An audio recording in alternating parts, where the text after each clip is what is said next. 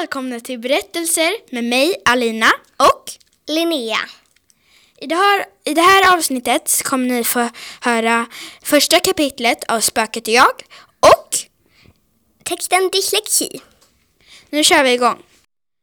Spöket och jag, kapitel 1, ensam hemma. Tjena, eller hej, så cool är jag inte. Det är jag som alla tänker är den konstiga, men egentligen heter jag Nova. Du undrar säkert varför alla tycker jag är konstig. Jo, det är bara för jag har väldigt kort hår och enligt alla typ ser det ut som en pojke. Störigt 2.0. Men vem bryr sig om vad, an- vad de tycker och vad andra tycker? Inte jag i alla fall.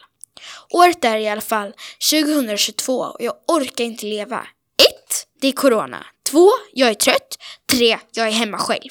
Som ni märker, jag är ensam hemma. Jag är på landet ensam hemma.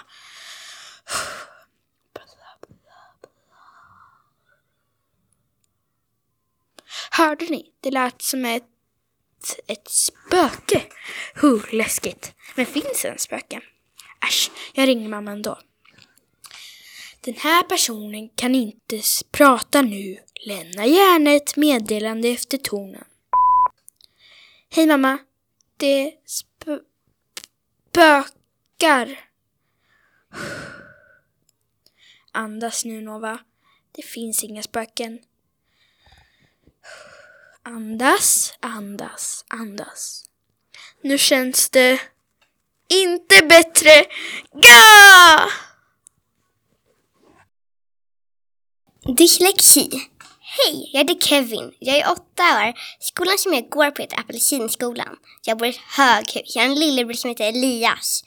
Innan jag gick till skolan tänkte jag jag köper nog lite tomatjuice för att spilla på mobbaren Nick. Men nu tänker jag att det kanske inte är någon bra idé. Jag kollar på min klocka. Jag är nästan för sent till skolan. Jag börjar springa. Till slut kommer jag fram till skolan. När jag kommer fram sätter jag mig på en bänk. Elias kommer fram till mig. Han ger mig en apelsin. Jag ser hur Nick och hans vänner kommer fram mot mig. Jag känner hur rädslan kommer fram. Nick är så elak mot mig. Jag har dyslexi. Det är inte så många som vill vara med mig.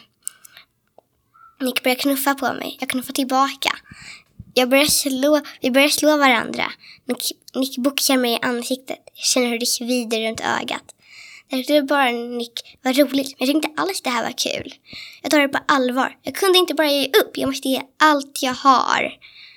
Jag känner mig ledsen och arg. Då kommer Oskar och säger stick iväg åt Nick. Oskar går i parallellklassen, men jag har aldrig pratat med han. Då springer Nick iväg. Oskar frågar hur jag mår. Bra och tack för hjälpen, svarar jag. Oskar tar hand om mina sår, men jag är fortfarande svullen runt ögat. Därefter blir jag och Oskar kompisar. Slut!